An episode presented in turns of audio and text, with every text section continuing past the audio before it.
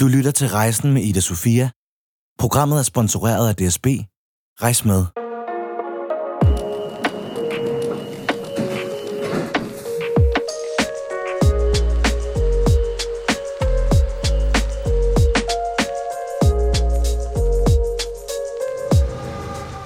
Så er jeg ankommet til øh, Valby, hvor jeg lige nu står på øh, fortoget ude foran øh, Atelier Sardin, som er øh, min gæst i dag, Safs lille øh, studie, hvor hun altså øh, til hverdag sidder og syr alt sit tøj selv.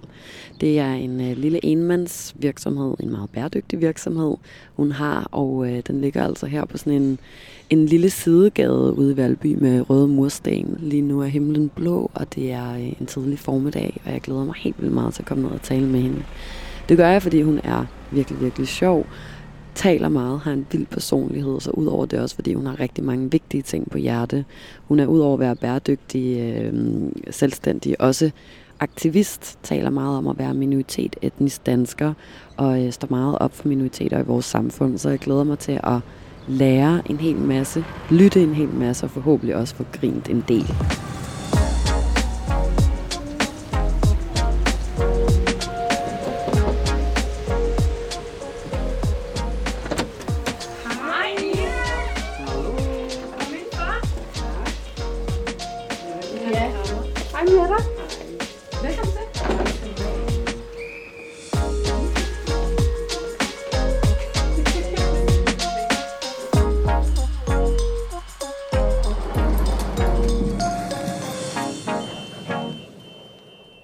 Så er vi jo her i dit øh, værksted, Saf, mm. som ligger i Valby, sådan en lille kælder.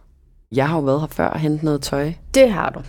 Og så har du sådan øh, fine farvestrålende øh, altså, øh, tøj hængende på, øh, på bøjler, og man kan se, at der er at der er gang i flere forskellige projekter, føler jeg. Ikke? Der er sådan, hænger, hænger, hænger lidt halvfærdige skjorter og, Ja. og, og, og ting og sager rundt omkring. Og så udover det har du også bare noget vanvittigt flot kunst på væggene. Ja, Hvad er det for noget?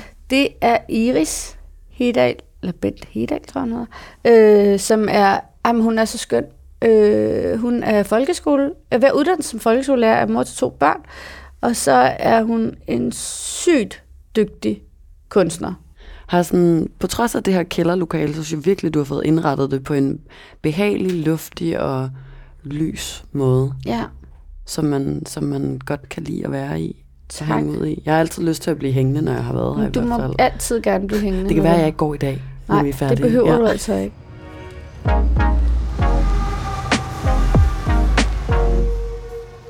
Jeg spurgte lige, hvordan du gerne vil øh, præsenteres, og øh, det var dejligt simpelt, nemlig som designer. Og det er jo også det, som øh, du lever af, og det, som vi skal tale meget mere om i løbet af det her mm. interview. Men øh, først, så øh, kunne jeg egentlig godt tænke mig at, hvad hedder det, dykke lidt ned i sådan dig som person, og, øh, og din øh, baggrund, og, og din barndom. Og jeg ved jo, at du har to friske, og og meget, meget dejlige piger. Og øh, hvordan synes du egentlig selv, at det var sådan at være barn og vokse op? Det, jeg husker det som en, jeg husker som min tidlige barndom, som en rigtig, rigtig dejlig tid. Og jeg tror, det der med, når man får børn, så bliver man også selv bragt tilbage til sin, altså man får virkelig minder til sin egen barndom. Og når jeg altså egentlig tænker tilbage på, på den, så sådan omkring den der, sådan, det er det, jeg sådan husker bedst, det er sådan fra 5-6 års alderen, ikke? Øhm, det var bare lange dage på legepladsen, sammen med en masse andre børn. Det var vildt fedt Mm. og meget bekymringsfrit. Det bliver sværere sådan senere, men det er også som om, jeg sådan har blokeret det lidt, sådan, hvor jeg ikke sådan husker så meget fra, men jeg husker det sådan, hvis det giver mening med sådan grå nuancer på en eller anden måde. Altså bliver ligesom lagt et, og jeg tror, det er fordi, der sker alt muligt i, øh, i vores hjem. Min mor, hun øh, husker det som om, at det er der omkring, hvor min mor, hun faktisk fik det, man i dengang ville kalde et nævesambrud. Øh, I dag vil man nok kalde det alt muligt andet, men dengang kaldte man det et nævesambrud. Jeg tror simpelthen, hun var udmattet. Mm. Øh, alene i Danmark, øh, sammen med min far, uden noget netværk, tre små børn. Og derefter så, altså der har jeg jo så også måske gået i en, i en tredje, fjerde klasse, så det er faktisk den alder, Ella har nu. Øhm, den var svær. Men den helt tidlige, den husker jeg som sådan virkelig meget fri.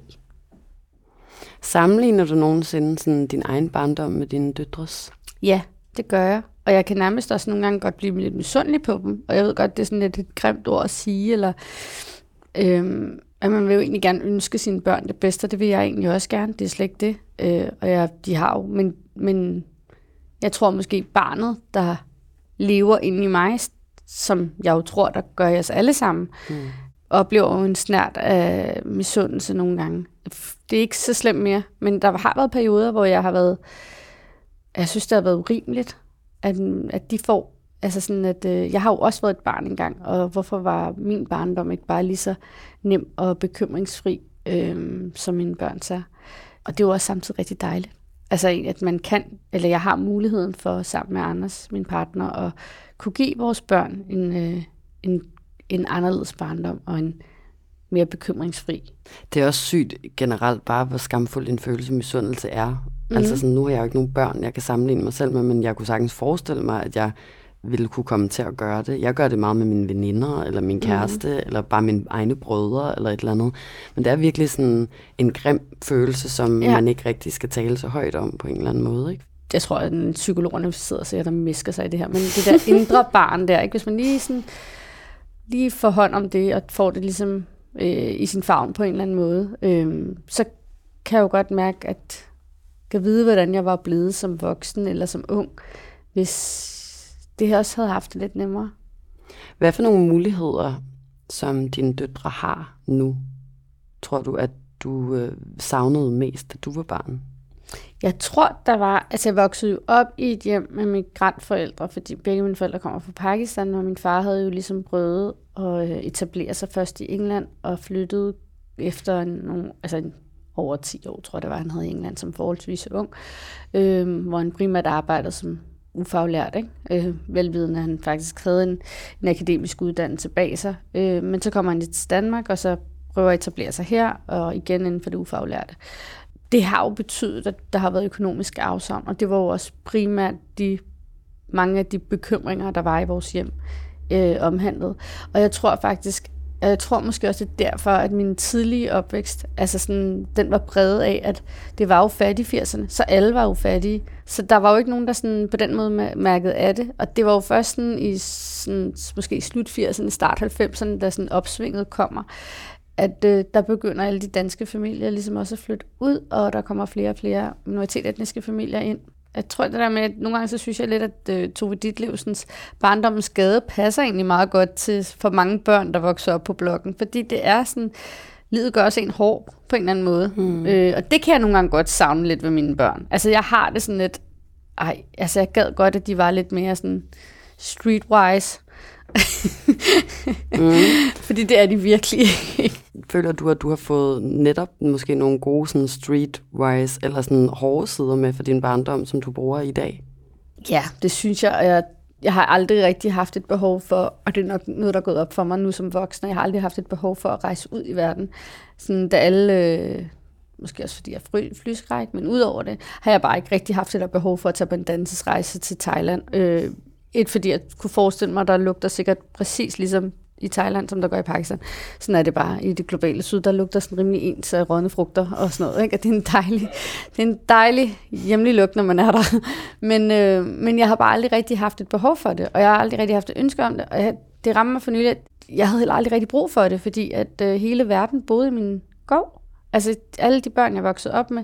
Jeg lærte jo i en virkelig tidlig alder, at... Øh, at Afrika selvfølgelig ikke er et land, men et kontinent, mm. fordi jeg havde venner fra Gambia og Ghana og Uganda og Nordafrika, hvor Tunis og, og Marokko, og der var stor forskel på, om du var tuneser eller om du var marokkaner, og hvordan man lavede couscousen. Altså sådan alle de der ting. Og det har jeg jo bare fået ind med modersmælken på en eller anden måde. Øh, og det samme gælder også det at være tyrker. Tyrker ikke bare, altså der er også kurder, og så er der PKK-kurder. Og, så, så det har jo været med til at danne mig og forme mig. Og, øh, men i mange år var jeg jo, skammede jeg mig jo over, øh, over den her del af min identitet. Fordi den jo, den jo på en eller anden måde var forbundet med noget øh, lavstatus på en mm. eller anden mm. måde. Ikke? Altså jeg kan huske, at øh, da mine klassekammerater jeg har jo gået i skole her i Valby, de gik jo til sådan efterskoleaktiviteter og fritid, og alle os for, øh, for blokken, vi, vi hang jo bare ud nede i gården, når vi fik fri, ikke? Øh, fordi alle vores møder var jo hjemme, øh, så hvorfor ikke? Men jeg kan huske, at det var også sådan et hemmeligt liv, jeg havde, som jeg ikke fortalte mine klassekammerater om. Særligt da jeg blev sådan lidt ældre, altså sådan i 7. og 8. klasse, fordi jeg sådan stadig hang ud nede i gården. Og de forstod jo ikke. I dag er det jo vildt smart at have nogle rigtig søde naboer på Vesterbro i ens gård, og man kan grine med dem. Men det var det altså ikke i 90'erne. Altså der så det skammede jeg mig ret meget over.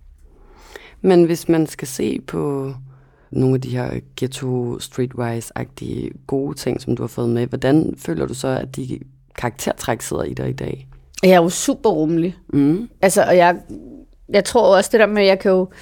Jeg ved ikke, det er også bare rigtig fedt at sige om sig selv. Jeg er bare super rummelig. Nej, men jeg tror, jeg har en forståelse for... Altså bare det der med at forstå, at folk er forskellige. Altså, der er forskel på, om du kommer fra Tunesien, eller om du kommer fra Marokko. Det betyder faktisk noget. Det betyder også noget for, om du er tyrker, eller om du er konjakurder. Altså, der er stor forskel, mm. øhm, fordi det er folks identitet. Og det betyder også, at jeg måske har haft nemmere ved at, altså lidt sådan ligesom en kameleon, jeg har kunnet tilpasse mig rigtig mange miljøer.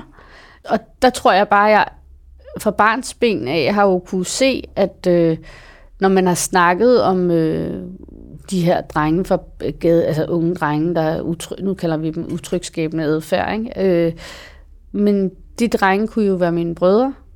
Altså jeg har jo to ældre brødre, ikke? Mm. Øh, og det kunne være mine veninders små brødre, eller deres ældre brødre. Så det har jo været meget tæt ind på dem. Jeg kender jo de her drenge, jeg ved jo, hvem de er, ikke? Øh, og det samme nu har vi den her tørklæde debat, ikke? Jeg har jo også øh, veninder, der, hvor deres forældre jo altså vidderligt var imod, at de skulle bære tørklæde, fordi de var ja, de var kulturmuslimer, ikke? men de var jo også øh, kurder med, med, med tilknytning til det kommunistiske parti og sådan nogle ting, så de var jo meget sådan, øh, du skal ikke gå med tørklæde, og hvor at pigerne har gjort det, fordi at det var deres ønske, og det var, altså, det var også et oprør mod hjemmet. Mm. Og ikke nødvendigvis, øh, altså, som valgte at lægge det tørklæde, som de havde lyst til at lægge i det. Så ja, der er jo nogle, sådan, man får jo nogle nuancer, som man jo som man tager med sig ind i sit voksenliv også. Så hvis man skal se på din barndom, så er det noget af det vigtigste, du har fået med i virkeligheden. Det her med rummeligheden og forståelsen for andre mennesker, andre kulturer, andre, altså alle, alle de forskellige måder, der findes at, at være menneske på og leve på. Mm. Og så er det øh, din, som jeg i hvert fald oplever det meget, sådan din evne til at kunne speak up og til at og i talsætte ting på Instagram og til at være aktivist i virkeligheden. Det er faktisk noget, der er kommet senere hen i dit liv. Altså jeg begyndte at pille lidt i overfladen i forbindelse med, da jeg lavede min virksomhed. Ikke? Altså, øh, fordi at jeg begyndte at snakke lidt om sådan, folk i det globale syd, der laver vores tøj og alle de ting og deres rettigheder. Men det tog saftsus med fejl, eller fart tilbage i, øh, ja, i maj 2020. Mm. Altså sådan, det var det som om, det bare eksploderede, og sådan, nu gider jeg faktisk ikke at være sød længere. Nu siger jeg det lidt sådan, som det er. Jeg er glad for, at Anders har kunne følge med må jeg aldrig om, fordi det, jeg kunne snilt forestille mig, at det her det kunne være noget, der kunne øh, støde ham fuldstændig væk. Ja. Men i stedet har han faktisk rummet det ved mig, og er gået ind i det her. Øh, og måske også på grund af vores børn, fordi de er, øh, deres identitet er, de ser sig selv som halv pakistanere og halv danskere, fordi deres bedste forældre kan ikke tale dansk med dem. Eller det, når de gør det, så lyder det virkelig, øh, så tror jeg ikke, de forstår hinanden overhovedet. øh, så, det, så det er jo også det, det er jo en del af deres identitet. Lige nu, når du nævner dine døtre igen, så kan jeg godt tænke mig at runde det her med misundelsen af, med at høre, hvordan du egentlig dealer med den følelse. Fordi jeg føler, at om det er øh, på ens døtre, eller om det er på øh, sin kæreste, veninder, eller hvad ved jeg, så det er jo en følelse, vi alle sammen kender til. Og øh, jeg føler, at mange mennesker, inklusive mig selv, kan have ret svært ved sådan, at håndtere den. Mm. Hvad gør du, når den opstår i dig? Jeg tror, jeg lader mig selv græde. Sidst jeg havde det sådan, det var i forbindelse med, et, øh, med en stressrelateret øh, angstperiode, jeg havde, der varede nærmest to år. Ikke? Og i forbindelse med det, der tror jeg, at øh, der græd jeg meget over mit indre lille barn jeg. Og, og det tror jeg var ret helende. Fordi det er jo ikke, øh, det er jo ikke deres skyld, at, øh, at verden har forandret sig også. Altså sådan, at, øh, det er jo bare dejligt, at den har det. jeg tror bare nogle gange, når jeg tænker på, at da jeg hentede min allerførste cykel sammen, jeg havde sådan, der var sådan en cykel her, der var en cykelhandler her i Valby, og jeg var, øh, og jeg havde ønsket mig den, og jeg vidste godt, at jeg har jo altid nok vidst, at pengene var små. Øh, men jeg insisterede jo ligesom alle andre børn på, at jeg ville bare have den der cykel, og den var lilla, den var pink, og den havde sådan noget øh, gedebukstyr. Skidesmart. Og så tager min far og jeg ned for at hente den, og jeg ved, mine forældre har jo skravet sammen til den. Ikke? Og så øh, kommer vi sådan op ved krydset ved Toftårs plads, og så skal vi ligesom over på den anden side af vejen, og vi står sådan der med den der cykel, og så står der sådan en sut, man ikke sige. Men det var hun, altså hun var lokale dranker, der var virkelig mange, altså sådan i 90'erne op på Toftårs plads, de sad der og holdt øh, bal virkelig tit, eller gilde. Øhm, og så stod hun ligesom ved siden af, så mumler hun et eller andet. Og min far, han sådan siger, hvad siger du? Og så mumler hun et eller andet igen, sådan, og så siger han sådan, hvad, jeg forstår, hvad er det, du siger? Perker, siger hun, så får hun sådan ligesom sagt. Og, og det der glædelige øjeblik, jeg havde ved, at jeg lige havde hentet en cykel, som jeg vidste, mine forældre lige havde brugt rigtig mange penge på at købe til mig. Altså, det blev jo bare overskygget af den her dybt alkoholiserede dame, der sagde, Perker. Så den der uskyld måske, som mine børn besidder, den har ikke, øh, den blev måske taget fra nogen af os i en tidlig alder.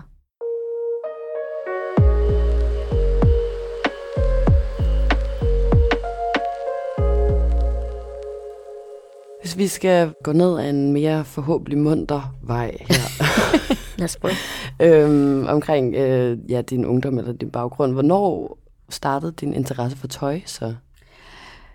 Jeg har altid gerne vil gå klædt anderledes. Altså når jeg siger anderledes, så er det ikke måske, øh, så var det anderledes sammenlignet med de andre pakistanske børn. Og det tror jeg, mine forældre, min, ikke min far, min mor var til tider lidt træt af det. For jeg insisterede på at gå i det, jeg gerne ville gå i. Jeg vil ikke gå i pakistansk tøj.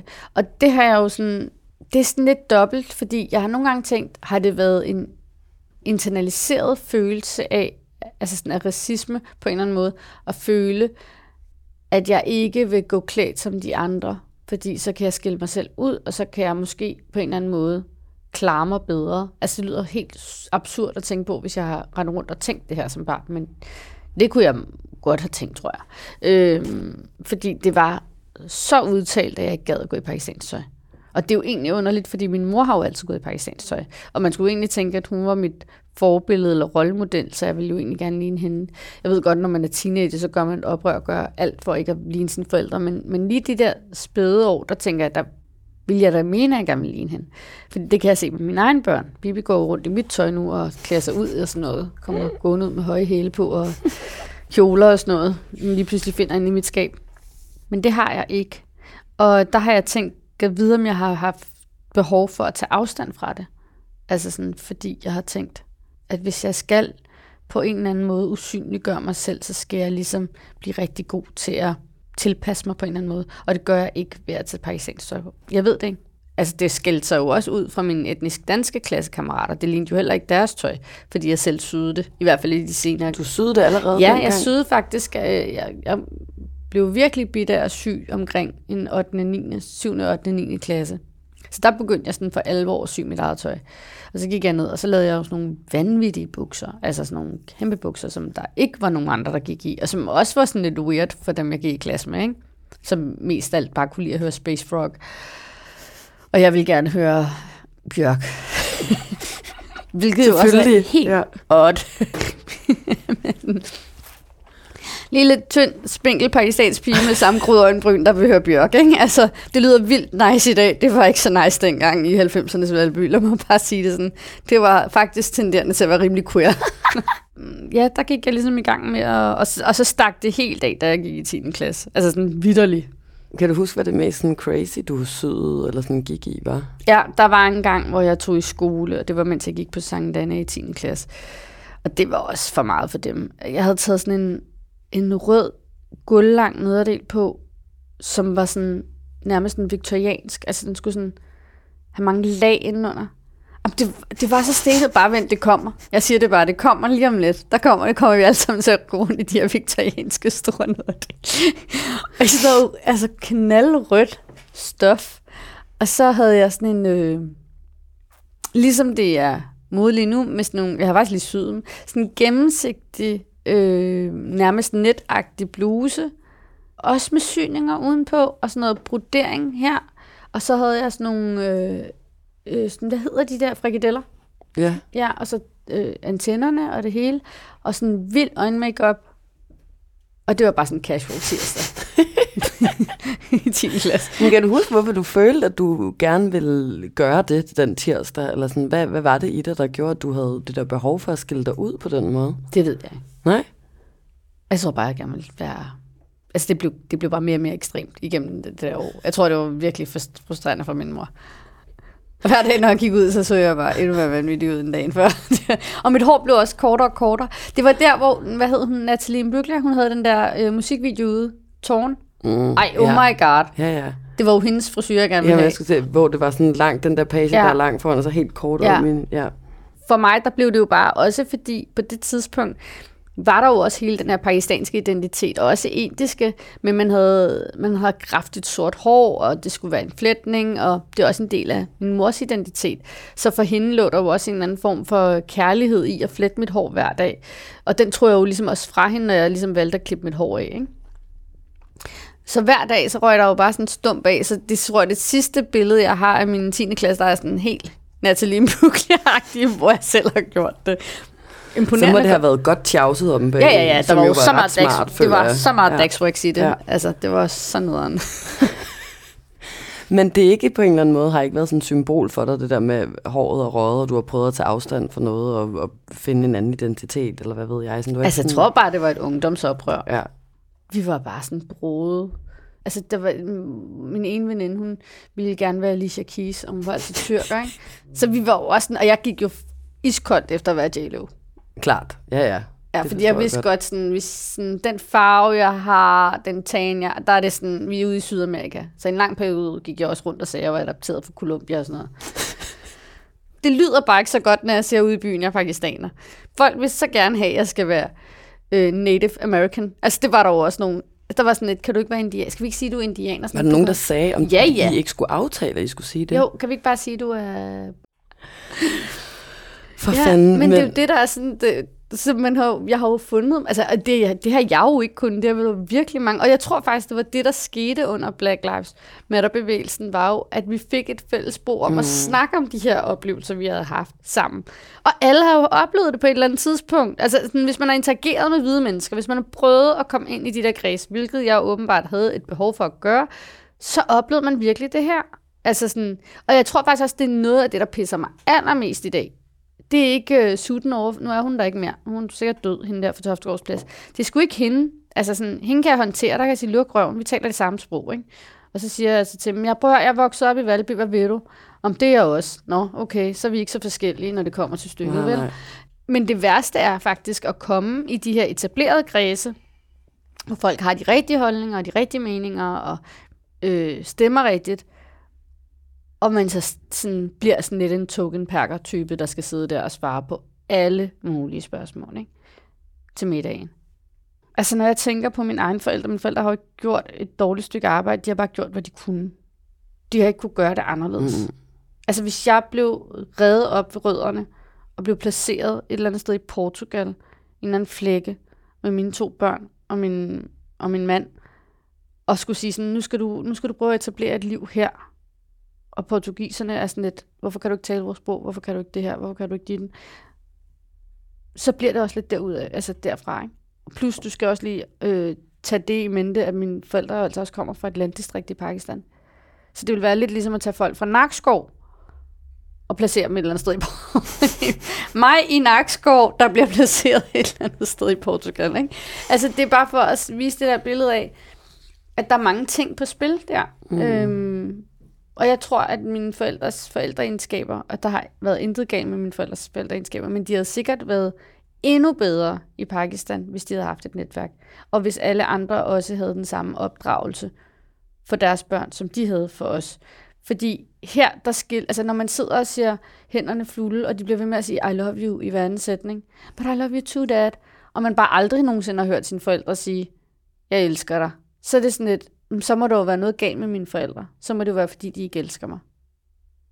Så det er jo også den der øh, Vesten møder østen mm. altså sådan det dilemma, der er i det, og den identitet, der også følger med. Det er jo ikke fordi, at hele Østen er kærlighedsløs.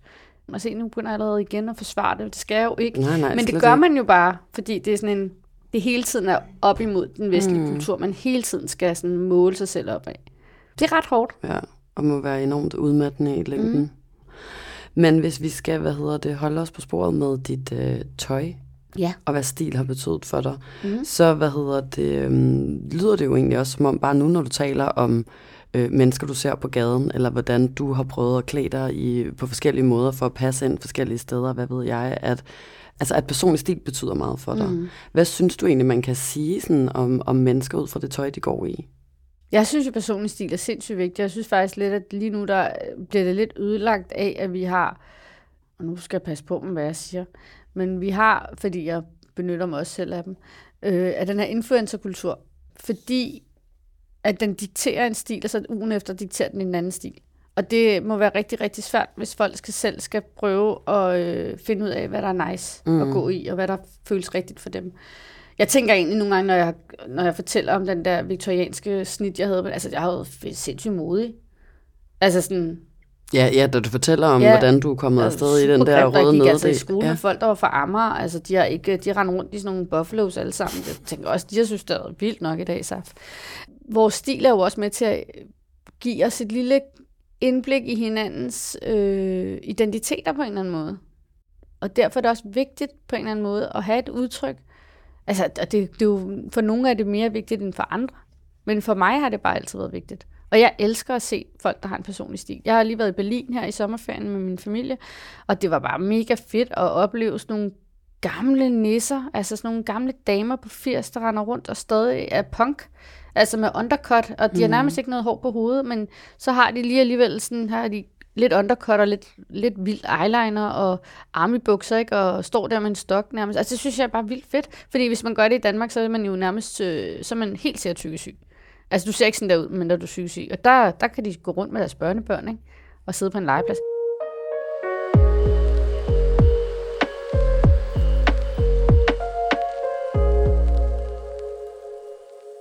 Hvornår, fordi jeg ved, at din forretning er sådan forholdsvis ny. Mm. Hvornår fandt du så ud af, at du ville lave den? Du vil gå i gang, altså, nu, altså du vil gå selvstændigt og begynde at lave tøj? Det gjorde jeg i 18 efter endt barsel med min yngste datter. Øh, der tror jeg bare, jeg var færdig med at være pædagog, og havde sådan brug for at forny mig selv. Og så gik jeg, gik jeg bare i gang med at, at lave børnetøj først. Fandt ud af, at det kan man ikke tjene leve af, eller tjene penge, og så arbejdede jeg ved siden af. Øhm, Som pædagog? Ja. ja. Og så øh, på deltid, og det gjorde jeg faktisk i to år. Og hvad, hvad, hvad husker du så som, sådan, som det store sådan, vendepunkt? Jeg tror faktisk, at verden først fik mig at se under nogle af de opslag, jeg begyndte at lave tilbage i maj 2020. Med Black øhm, Lives Matter? Ja. Mm. Der tror jeg, at jeg bare giver slip. Fordi jeg faktisk virkelig bliver indineret over, at der kommer de der spørgsmål omkring, vi har da ikke strukturel racisme. Og jeg bliver sådan, nej, det siger I bare ikke. Altså, hvad fuck vil I kalde den lovgivning, vi har, altså sådan, som gennemsyrer alle lag i vores samfund? Øhm, hvordan kan man overhovedet få sig selv til at sige det? Mm. Altså sådan, det, det undrer mig bare rigtig, rigtig meget. Og jeg blev så vred over det og indigneret over det. Jeg brugte også meget energi på det, og det slog mig også rimelig meget ud. Øhm, det er blevet... Nu kan jeg bedre tænde og slukke for det, tror jeg. Ja. Det er også noget, bedre man skal til at være aktivist, tror jeg. Men, og jeg tænker, det er faktisk ret interessant, fordi du har jo netop en meget aktivistisk profil, samtidig med, at du øh, hvad hedder det, er designer og laver tøj.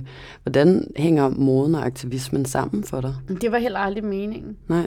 Jeg vil egentlig gerne holde det adskilt, men jeg tror bare, det gik op for mig, at hvis man skal ændre på noget, og ja, jeg gider, altså jeg er egentlig sådan, jeg er ikke sådan super, jeg er egentlig ret privat, jeg, jeg, og jeg, men jeg er meget personlig. Og det har ikke noget mod at være. Jeg kan også godt dele ud af mig selv, og det vil jeg også rigtig gerne.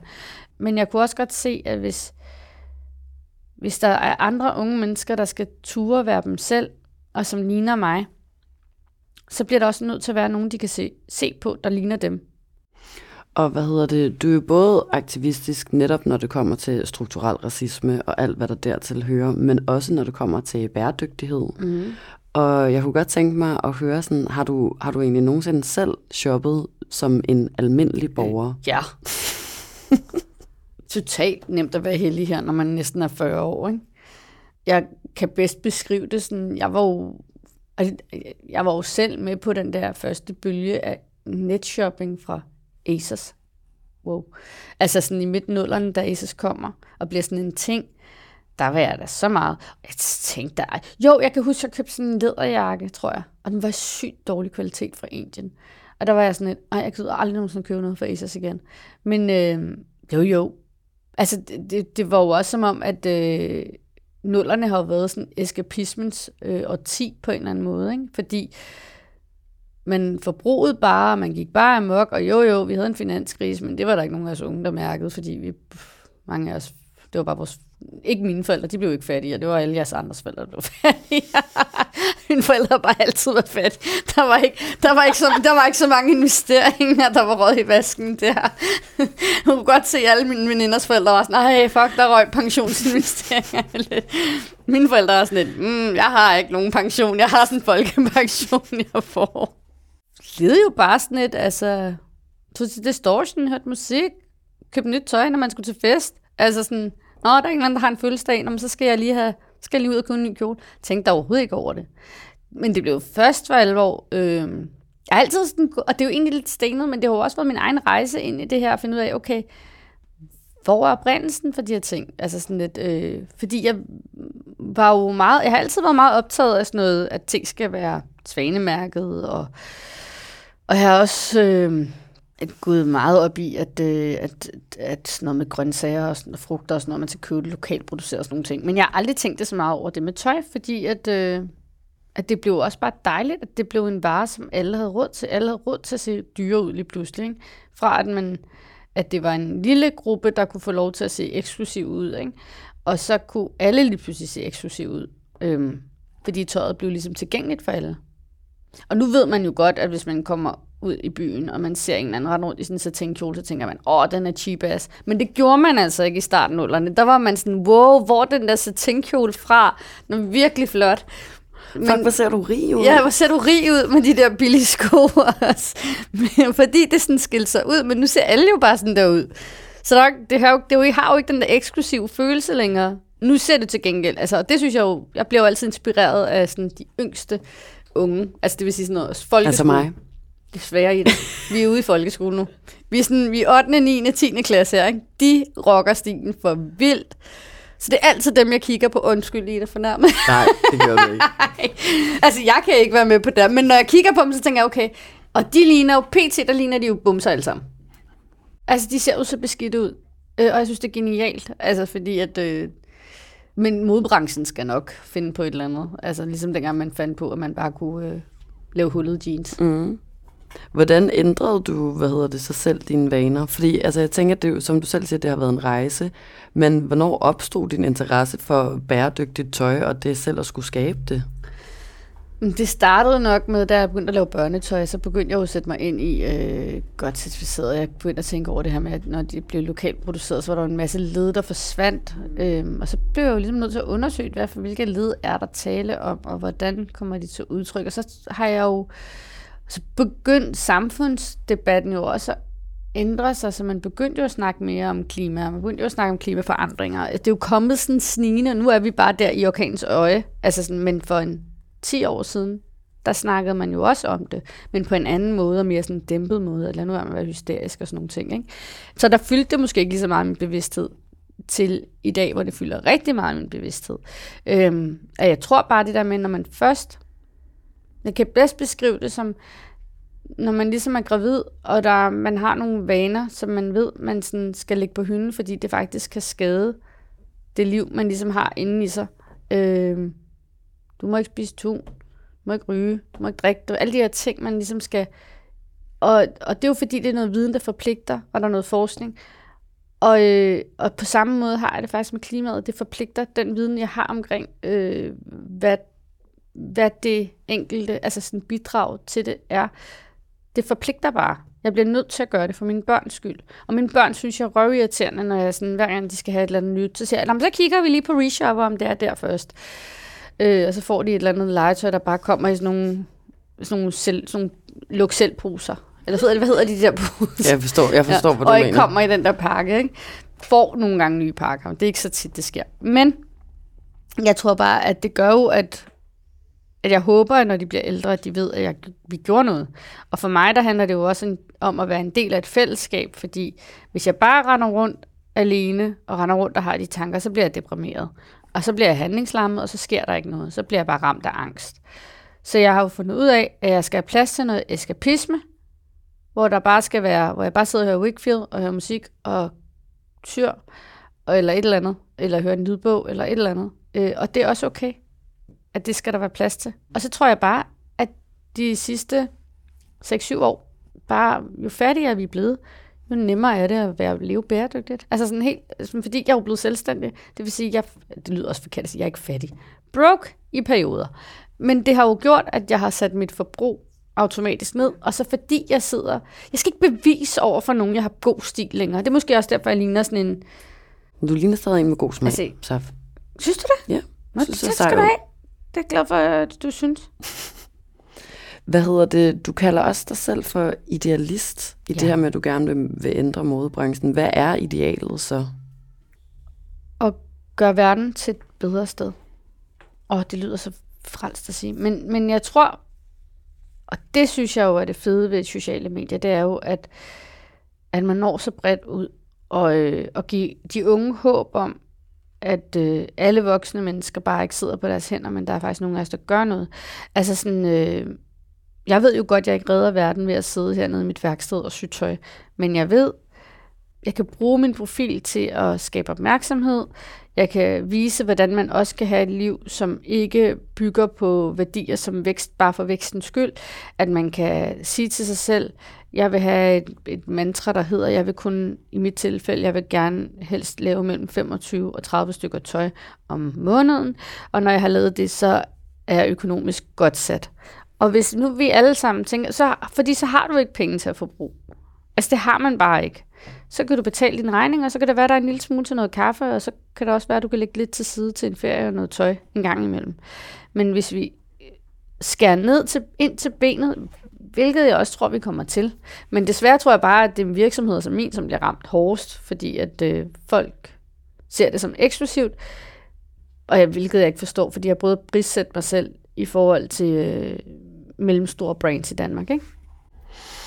Det er også, altså, det er, nogle, det er mange ting, der skal ændres i folks vaner, og mm. i måden at forstå verden på i virkeligheden også, ikke? Og, og, og det der med, at man skal være villig til at give noget op, for at verden stadig kan bestå. Mm. Hvad tænker du, at den enkelte almindelige borger sådan, øh, bedst kan gøre for at indstille sig på det her? Jeg tror, viden forpligter, ligesom det der eksempel med graviditeter. Ikke? Altså sådan, det forpligter. Hvis man begynder at blive bevidst om det, og hvis man begynder at få, altså når man står nede i den der, for vi bliver alle sammen ramt af impulser. Hvis man så står nede i en butik og kigger på en skjorte, og så bare lige sådan, lige bruger lidt længere tid på at kigge på den og røre ved den, og så lige lukke øjnene og forestille sig, at der er faktisk siddet et andet menneske og lavet Er det rimeligt, at den koster 50 kroner på tilbud? Og så vil de fleste af os jo nok sige, nej, det er ikke rigtig rimeligt. Fordi en kop kaffe i Emery's koster 50 kroner. Ja, det er så heller ikke fair. Over det. det er sådan unfair på en anden måde.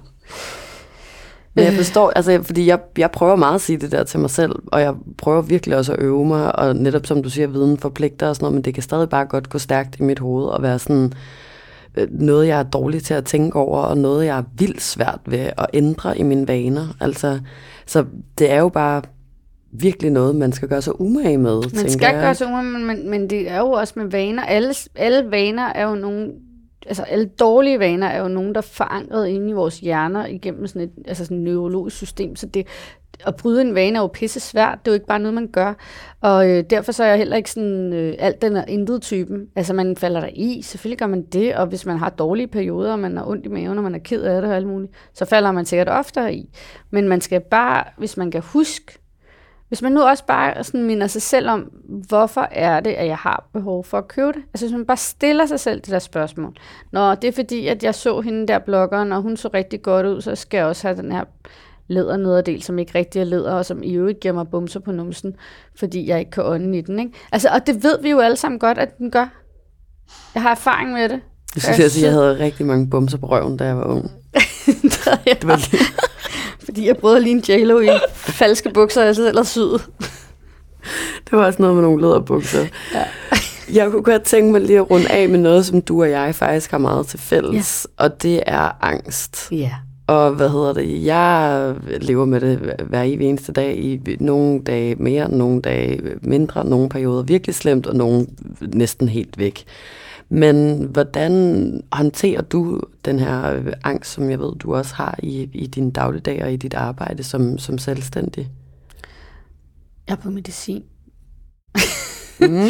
altså sådan for mig, der virker øh, angststemte medicin rigtig meget. Men jeg har lidt gået rundt og tænkt, om jeg har ADHD. Øh, fordi nu har jeg været mere eller mindre angstfri i et års tid nu.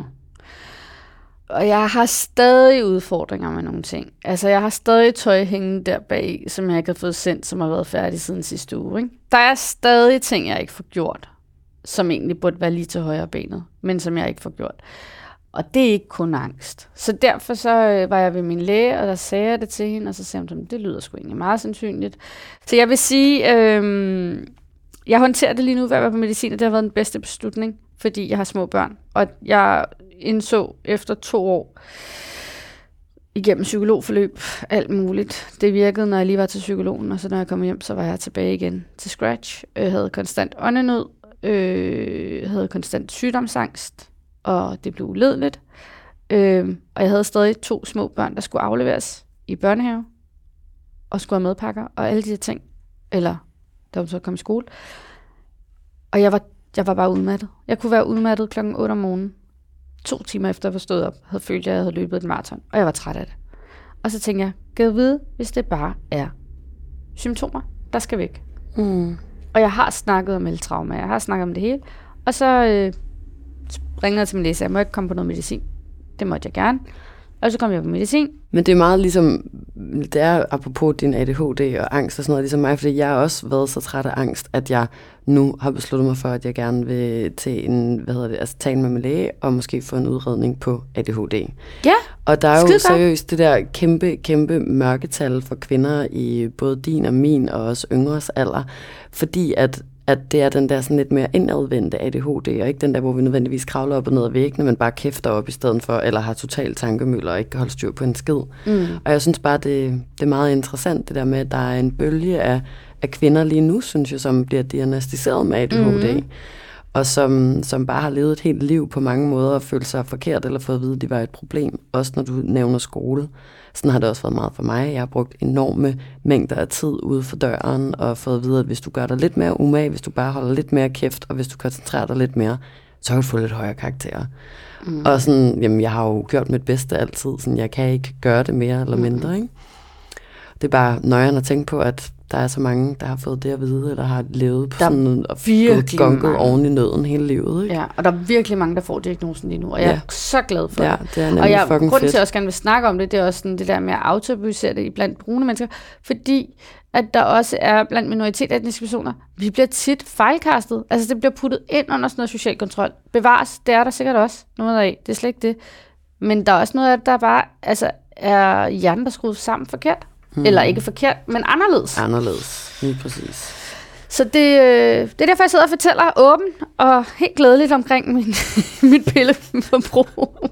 og min, Men det skal man altså også skal gøre, man. også når der er så fucking mange mennesker, der, der lever med angst og alt muligt andet. Altså, og det skal jo autoriseres også at få medicin for det. Ja. Fordi ellers så kan man jo ikke have en normal hverdag. Altså. Nej. Og øh, til sidst så kunne jeg godt tænke mig at høre, sådan, hvad dit bedste tip til unge mennesker, som gerne vil starte deres egen bæredygtige virksomhed op er. Beslut dig for, hvad dit mål er med din virksomhed. Vil du blive mange millionær, så skal du ikke kalde det en bæredygtig virksomhed. Sæt din mål realistisk. Beslut dig for, at du vil kunne leve på en sten. Hvis du ikke kan det, så lad være med det. Øh, hvis du godt kan forestille dig, at du godt kan leve på en sten, jamen så kast dig ud i det. Lad være med at tage lån i banker. Prøv at arbejde dig rundt om det. Altså, det her lokale her i Valby er heller ikke super sexet. Men øh, hvis du kan finde noget ude i Hvidovre eller Rødovre, hvor du kan betale måske 2.000 kroner for at have det, og du kan få lov til at gøre det, du har lyst til, så er internettet et fantastisk sted, fordi det handler ikke længere om location. Hvis du har værksted, altså ude i de der ydre øh, kommuner, skulle jeg lige så sige. Og så lad være med at kigge for meget over på, hvad andre gør. Unfollow, øh, nu, nu er jeg jo ligesom en del af tøjbranchen, der er der virkelig mange brands, jeg har unfollowet. Der er også nogle, jeg følger i, fordi jeg synes, det er sjovt, øh, men der er også virkelig mange, jeg har valgt ikke at følge mere, fordi jeg blev så stresset af alle de kollektioner, der blev spyttet ud, og tænkte, jeg kører stadig på den samme bluse.